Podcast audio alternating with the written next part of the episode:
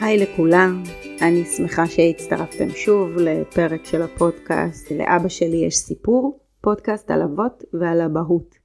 אני חני גיטליס, עובדת סוציאלית קלינית ומנחת קבוצות, מביאה לכאן תכנים שעוסקים באבהות מתוך הניסיון שלי בקליניקה, בקבוצות, בתיאוריה ומהמחקר.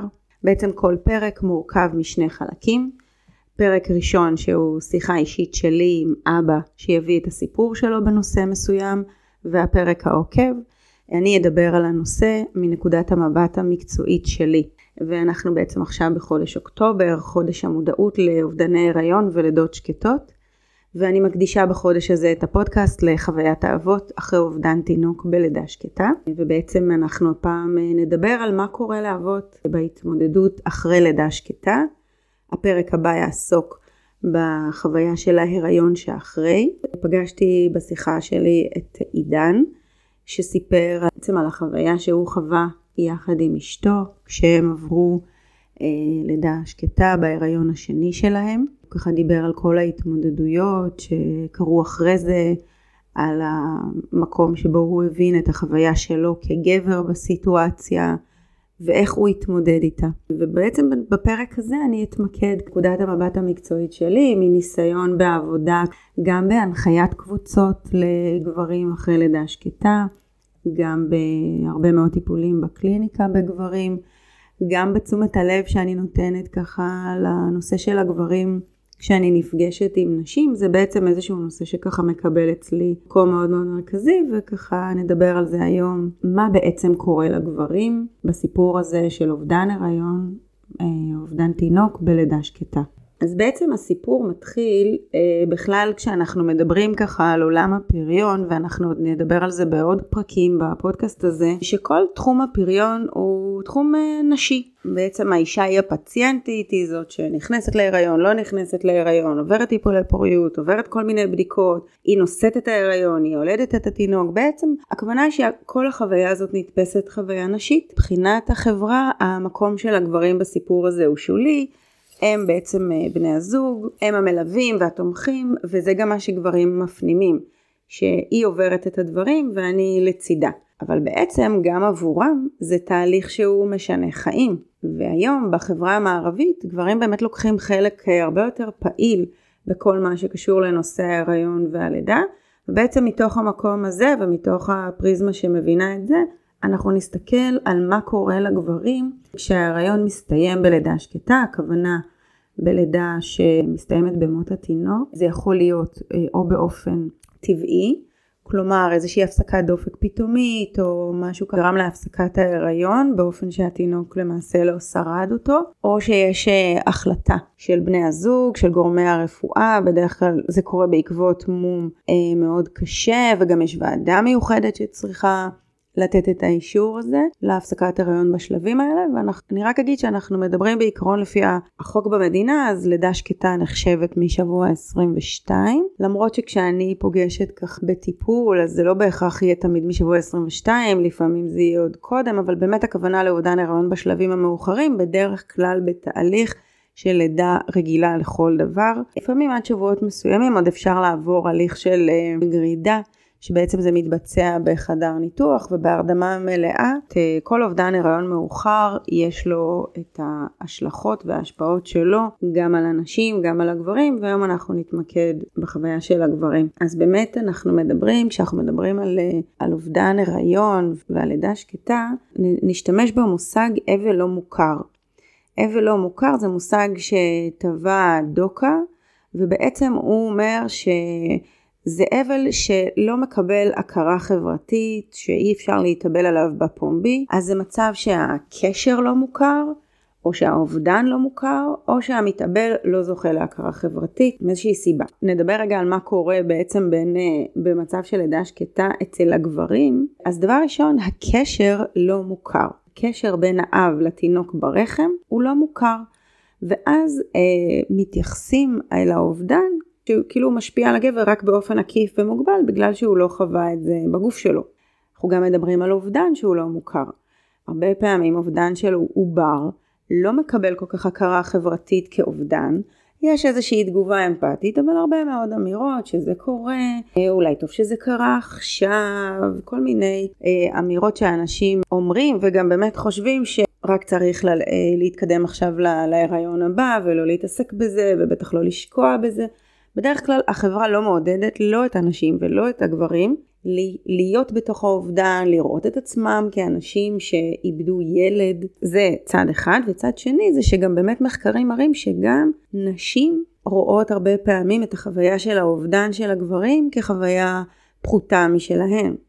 אז הם לא מקבלים לפעמים את ההכרה של האובדן גם בתוך הבית. אה, והדבר השלישי זה שהמתאבל אמרנו לא זוכה להכרה חברתית, וזה בעצם אומר שגם המערכת לא מציעה למשל תמיכה לנשים. יש קבוצות פייסבוק, מציעים להם תמיכה מבתי חולים, מקופות חולים, הרבה מאוד uh, קבוצות פרטיות שיש, הרבה יותר ישאלו את האישה איך היא מרגישה, יתמכו בה באובדן.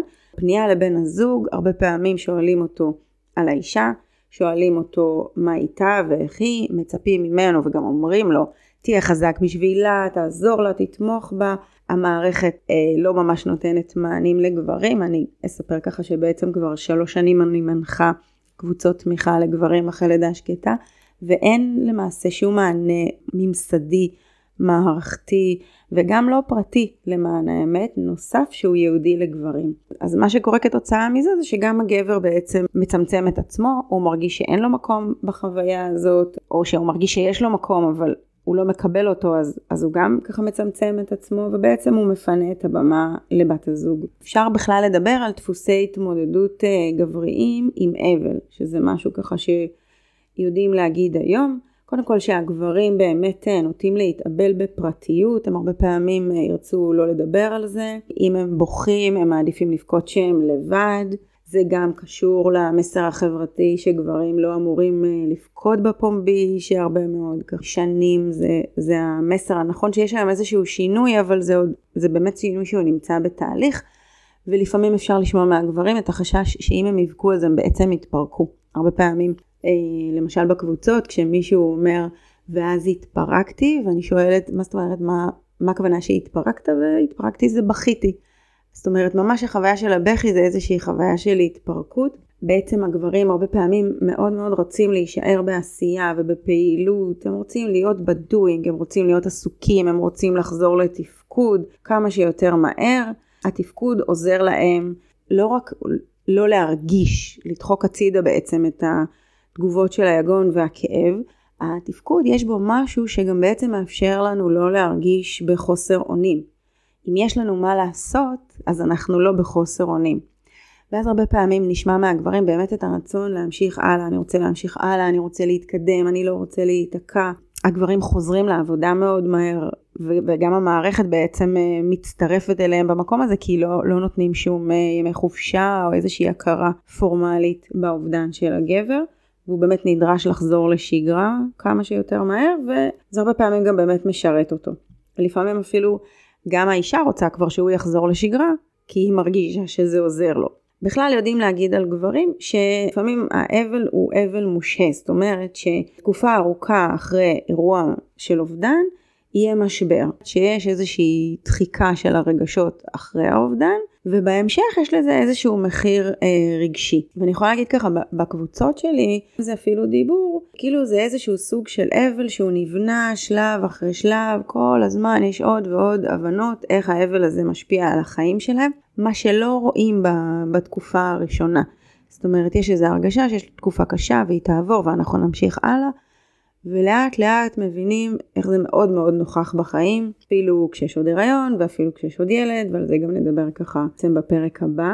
הבעיה באבל המושע של הגברים, שלפעמים כשהוא יתחיל לחוות את האבל, אז הסביבה כבר אה, לא תהיה שם, כולם כבר עברו הלאה וחשבו שגם הוא עבר הלאה, ואז לא תהיה הכרה. שוב באבל הזה. עוד אה, עניין שחשוב לשים עליו דגש זה שהרבה פעמים תגובה רגשית מאוד בולטת שנראה אצל גברים בעקבות אובדן זה דווקא תגובה של כעס. בעצם הכעס הוא יכול להיות ביטוי לכל מיני רגשות אחרים שלא מקבלים את הביטוי. יש איזה משהו ככה שיוצא החוצה באופן אגרסיבי, זה יכול להיות קשור לסיטואציה, זה יכול להיות כעס כלפי הצוות הרפואי, זה יכול להיות כעס כלפי בת הזוג או המשפחה, האנשים בסביבה, איך הם איך הם מגיבים או איך הם לא מגיבים, אבל זה גם יכול להיות כעס כלפי אנשים אחרים בסיטואציות לא קשורות, כאילו בן אדם, הרבה פעמים גברים יגידו על עצמם, אני, אני לא מכיר את עצמי, אני לא מבין למה אני כל כך עצבני ואין לי סבלנות, ואני עם פתיל מאוד קצר. וחשוב להגיד על הכעס שהוא נחשב אה, רגש שמאוד מאוד לגיטימי לגברים להביע, בשונה מרגשות למשל של עצב, של כאב, של עלבון, עוד עניין שאפשר לראות אצל גברים, זה נושא של טיפול עצמי. בעצם בכל מיני אמצעים פונקציונליים, הגבר המתאבל מטפל בעצמו. הוא למשל יעבוד יותר שעות, הוא יעשה יותר ספורט, הוא ישתמש יותר באלכוהול או בסמים, הוא ישקע יותר בכל מיני משחקים אה, כזה מעולם הגיימינג, הוא יעשה כל מיני קניות ברשת, לפעמים של דברים שבאמת אין בהם צורך, אבל איזשהו משהו שבעצם מספק איזושהי הרגעה, אולי לטווח קצר, אבל באמת נותן הרגעה או בריחה וזה מרגיש כמו טיפול עצמי. ואז בעצם אין צורך להיעזר במישהו אחר. ובעצם ככה הדברים שקשה לדבר עליהם וקשה לגעת בהם, שקשורים לאובדן, הם כל מה שקשור לנושא של אשמה, שהרבה פעמים מתעוררת סביב לידה שקטה. בין אם הייתה פה החלטה, ואז יש ככה איזושהי ממש אשמה על, ה, על החלטה באמת בלתי אפשרית ש, שהורים נדרשים לקבל בסיטואציה הזאת, או אם למשל אה, מישהו הוא זה שנגיד נשא את הגן הבעייתי, אה, וזה בא ממנו, אז הרבה פעמים זאת יכולה להיות אשמה מאוד קשה, ויש אשמה גם, גם כשיש הבנה שנעשתה החלטה נכונה והכי טובה להם, ויש איזשהו צד כן ממשיך ותומך בהחלטה ויחד עם זאת יש אשמה ואשמה זה רגש מאוד מאוד מאוד שכיח בהתמודדות עם אובדן בלידה שקטה גם אצל נשים וגם אצל גברים. אני חושבת שאין כמעט מצבים שבהם אין אשמה, תמיד יש איזושהי אשמה על משהו וזה, וזה ככה רגש מאוד uh, קשה. יכולה להיות קנאה uh, באנשים אחרים שיש להם uh, ילדים, שיש להם תינוקות, באנשים בהיריון, באנשים שמסתובבים עם עגלה, ולפעמים גם יש אשמה על זה שאנחנו מרגישים קנאה, וקנאה זה רגע שמאוד מאוד לא נעים לדבר עליו, והוא מעורר בושה. אחרי לידה שקטה יש חוויה מאוד של סטרס, ושל, אה, יכולה להיות חוויה של דיכאון וחרדה ממה יהיה הלאה, ועצב מאוד גדול. ולפעמים גם אפשר באמת אה, לזהות סימפטומים שהם פוסט-טראומטיים, כי בעצם כל החוויה של הלידה השקטה היא חוויה מאוד טראומטית גם לגבר שנמצא שם, שחווה את המראות, את הקולות, את הריחות. יש חוויה מאוד מאוד חושית, יש איזשהו זמן מסוים שהוא הטראומה. לפעמים זה הזמן בחדר הלידה, לפעמים זה ככה באמת לפני, לפני הרגע של הלידה עצמה, אם התקבלה בעצם ההחלטה להפסיק את ההיריון, אז יש את השלב שבו עושים את, בעצם את הזריקה של ההמתה, של הפסקת פעילות אה, הלב של העובר. עידן דיבר על זה גם בפרק שבו ראיינתי אותו, שזה חלק מאוד מאוד טראומטי עבור מי שחווה אותו. אה, ואז סימפטומים פוסט-טראומטיים באמת יכולים להיות או סימפטומים של פלשבקים, זיכרונות ככה חודרניים, חלומות, דברים שמגיעים ככה בזמנים לא צפויים, כל מיני דברים שמעוררים טריגר ומחיים את התחושה הזאת של הטראומה, וזה יכול להיות גם בכל מיני הימנעויות, דברים שאדם רוצה להימנע מהם כדי לא לחוות את הטריגרים, מה שלפעמים מאוד מאוד מצמצם את החוויות שלו ואת העולם שלו. עוד אה, סימפטום פוסט-טראומטי זה בעצם כל הנושא של איזושהי דריכות, של עוררות יתר, רמת חרדה מוגברת ואיזושהי ציפייה ל...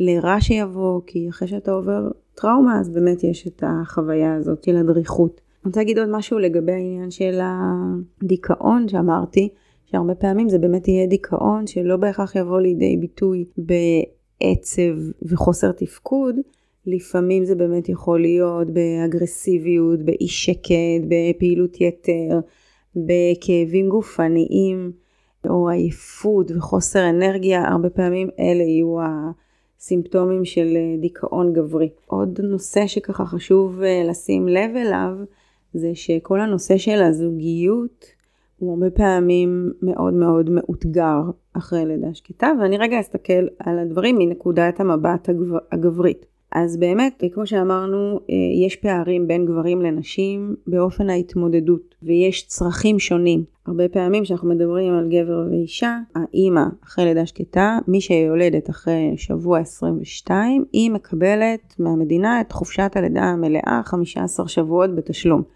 בעוד שהאבא נדרש לחזור לתפקוד ולשגרה, כמו שאמרתי, והוא גם, לפעמים הוא מאוד רוצה את זה, לפעמים הוא לא רוצה את זה, אבל אין לו כל כך את האפשרות, יש מקומות עבודה שמאפשרים, יש מקומות עבודה שלא.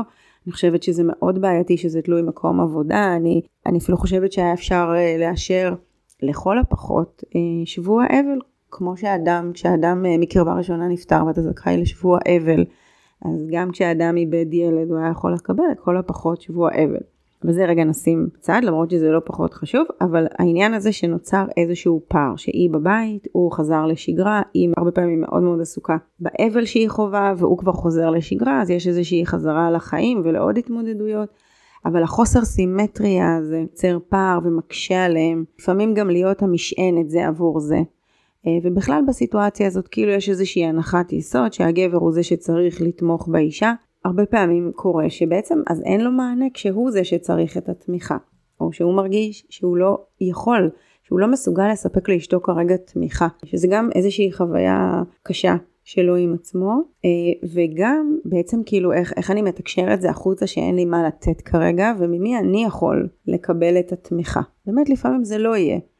זה לא יהיה מבת הזוג, כי גם לה אין את האפשרות לתמוך בו כרגע, כשהיא מאוד מאוד שקועה באבל שלה. ואז כאילו כל הסיפור הזה של כמה מקום באמת יש לגבר להתמסר לתהליך של אבל, וכמה הוא צריך להיות בתפקוד.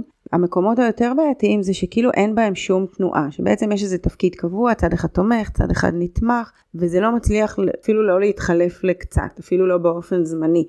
איזשהו מקום שבו הוא יכול להרפות והיא קצת תהיה יותר בשבילו, זה, זה באמת מקום שיהיה יותר בריא ויותר חשוב לזוגיות. עוד דבר שקורה בתוך זוגיות זה שהרבה פעמים אה, בעצם המשבר הזה יכול להציף כל מיני קשיים בזוגיות. אולי זה קשיים שכבר היו קיימים קודם ועכשיו הם מתעצמים, אולי זה, זה פעם ראשונה שבני הזוג האלה חווים משבר משמעותי אה, וזה לא תמיד משהו ש, שקל לזוגיות. לפעמים הזוגיות יכולה להיות מקור של כוח מאוד גדול, אבל לפעמים זה ממש ממש יכול אה, להקשות על הזוגיות, ואנחנו אפילו יכולים גם לראות אחוזי גירושים לא קטנים אחרי לידות שקטות, אה, ולכן החשיבות של להבין את זה עוד מההתחלה, כי אם מזהים מלכתחילה את הפערים שנוצרים ו...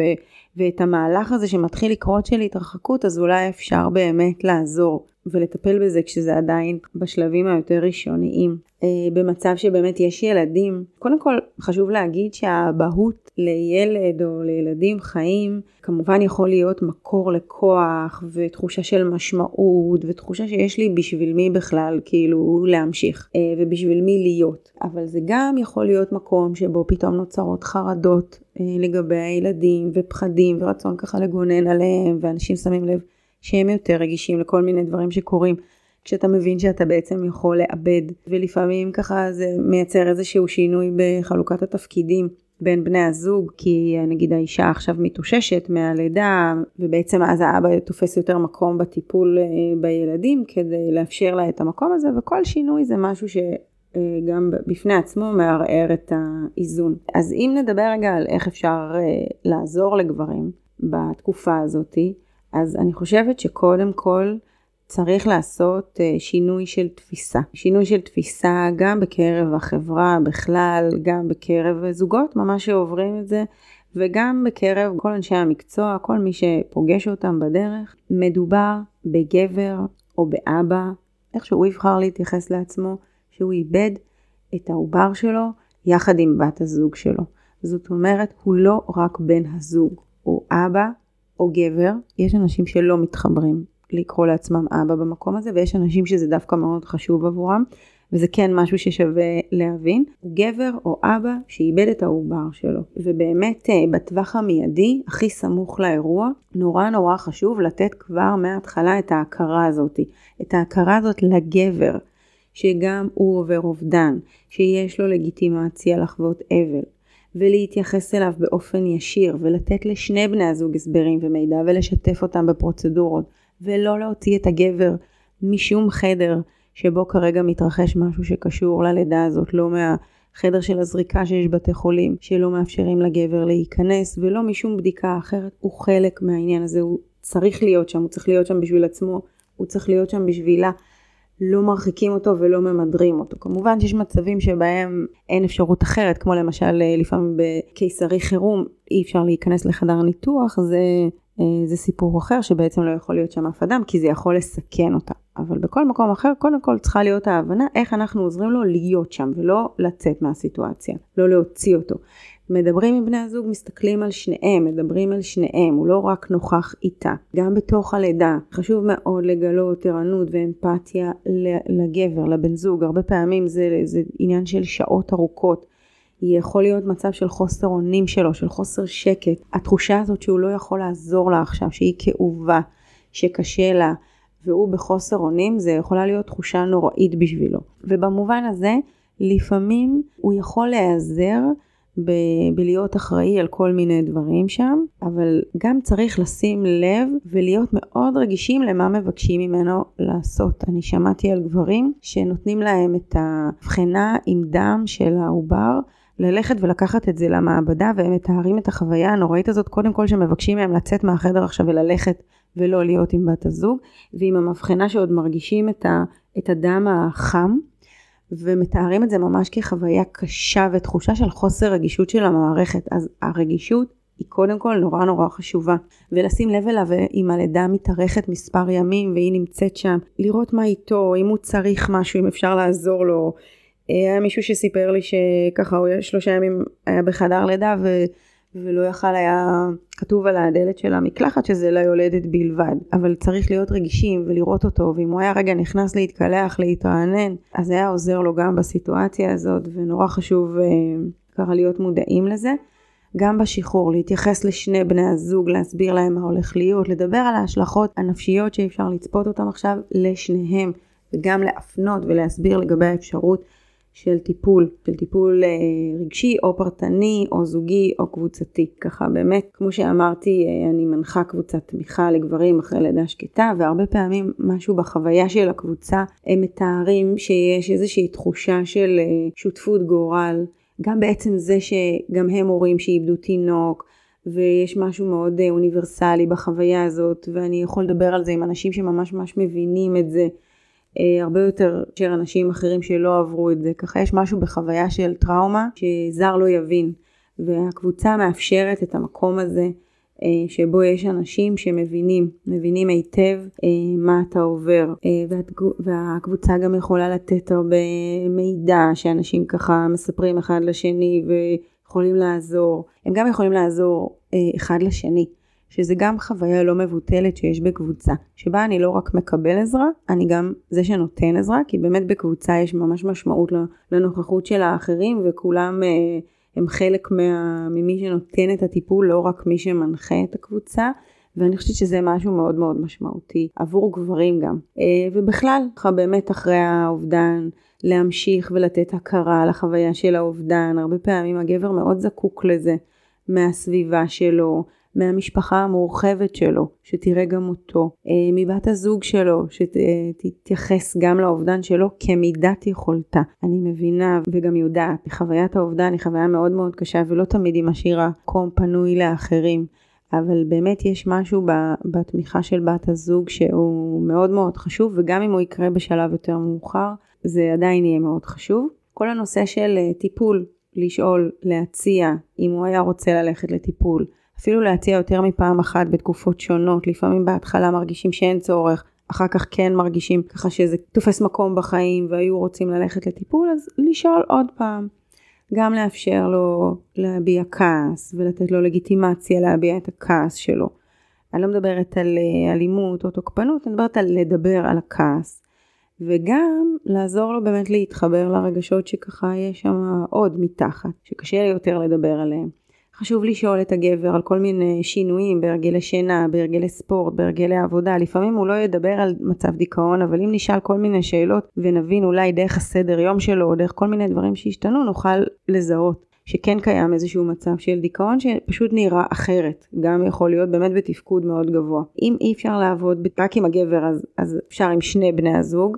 ואם זה רק עם האישה, אז באמת דרך האישה אפשר גם לעזור לה אה, להיות יותר באמפתיה אליו ולפנות איזשהו מקום גם לאובדן שלו. וגם באמת אה, חשוב אה, לאנשי מקצוע בכלל, כל הנושא של פסיכואדוקציה על תגובות אבל של גברים ועל הפערים בין גברים לנשים, כי באמת לפעמים זה מרגיש שיש פערים ו- ונותנים להם פרשנות, למה קיים הפער הזה, נגיד נשים יגידו שלא אכפת לו כבר וזה לא מעניין אותו והוא המשיך הלאה כשזה יכול להיות מאוד מאוד רחוק מהאמת הוא פשוט מאוד מאוד מדחיק ורוצה להיות חזק עבורה ולכן הוא לא מדבר על זה או שהוא לא רוצה להכאיב לה אז הוא לא מדבר על זה. וגם לשים לב אם קורים עוד משברי חיים או אירועים עם פוטנציאל משברי כן חשוב להיערך כי לפעמים יכול להיות שמה ש... שהדבר הבא שיקרה הוא יהיה הטריגר שיפתח את, ה, את האובדן, את החוויה של האובדן, וצריך לתת לזה גם מקום. כמו למשל אה, גבר שסיפר לי שחוויה של האבל התעצמה מאוד אחרי שהוא חווה פיטורים. ואז הפיטורים בעצם היו הטריגר, שגרם לו להבין שהוא בעצם עדיין מתאבל, ו- ולא מספיק נתן לזה מקום. אז זה דבר שנורא חשוב ככה לשים לב אליו.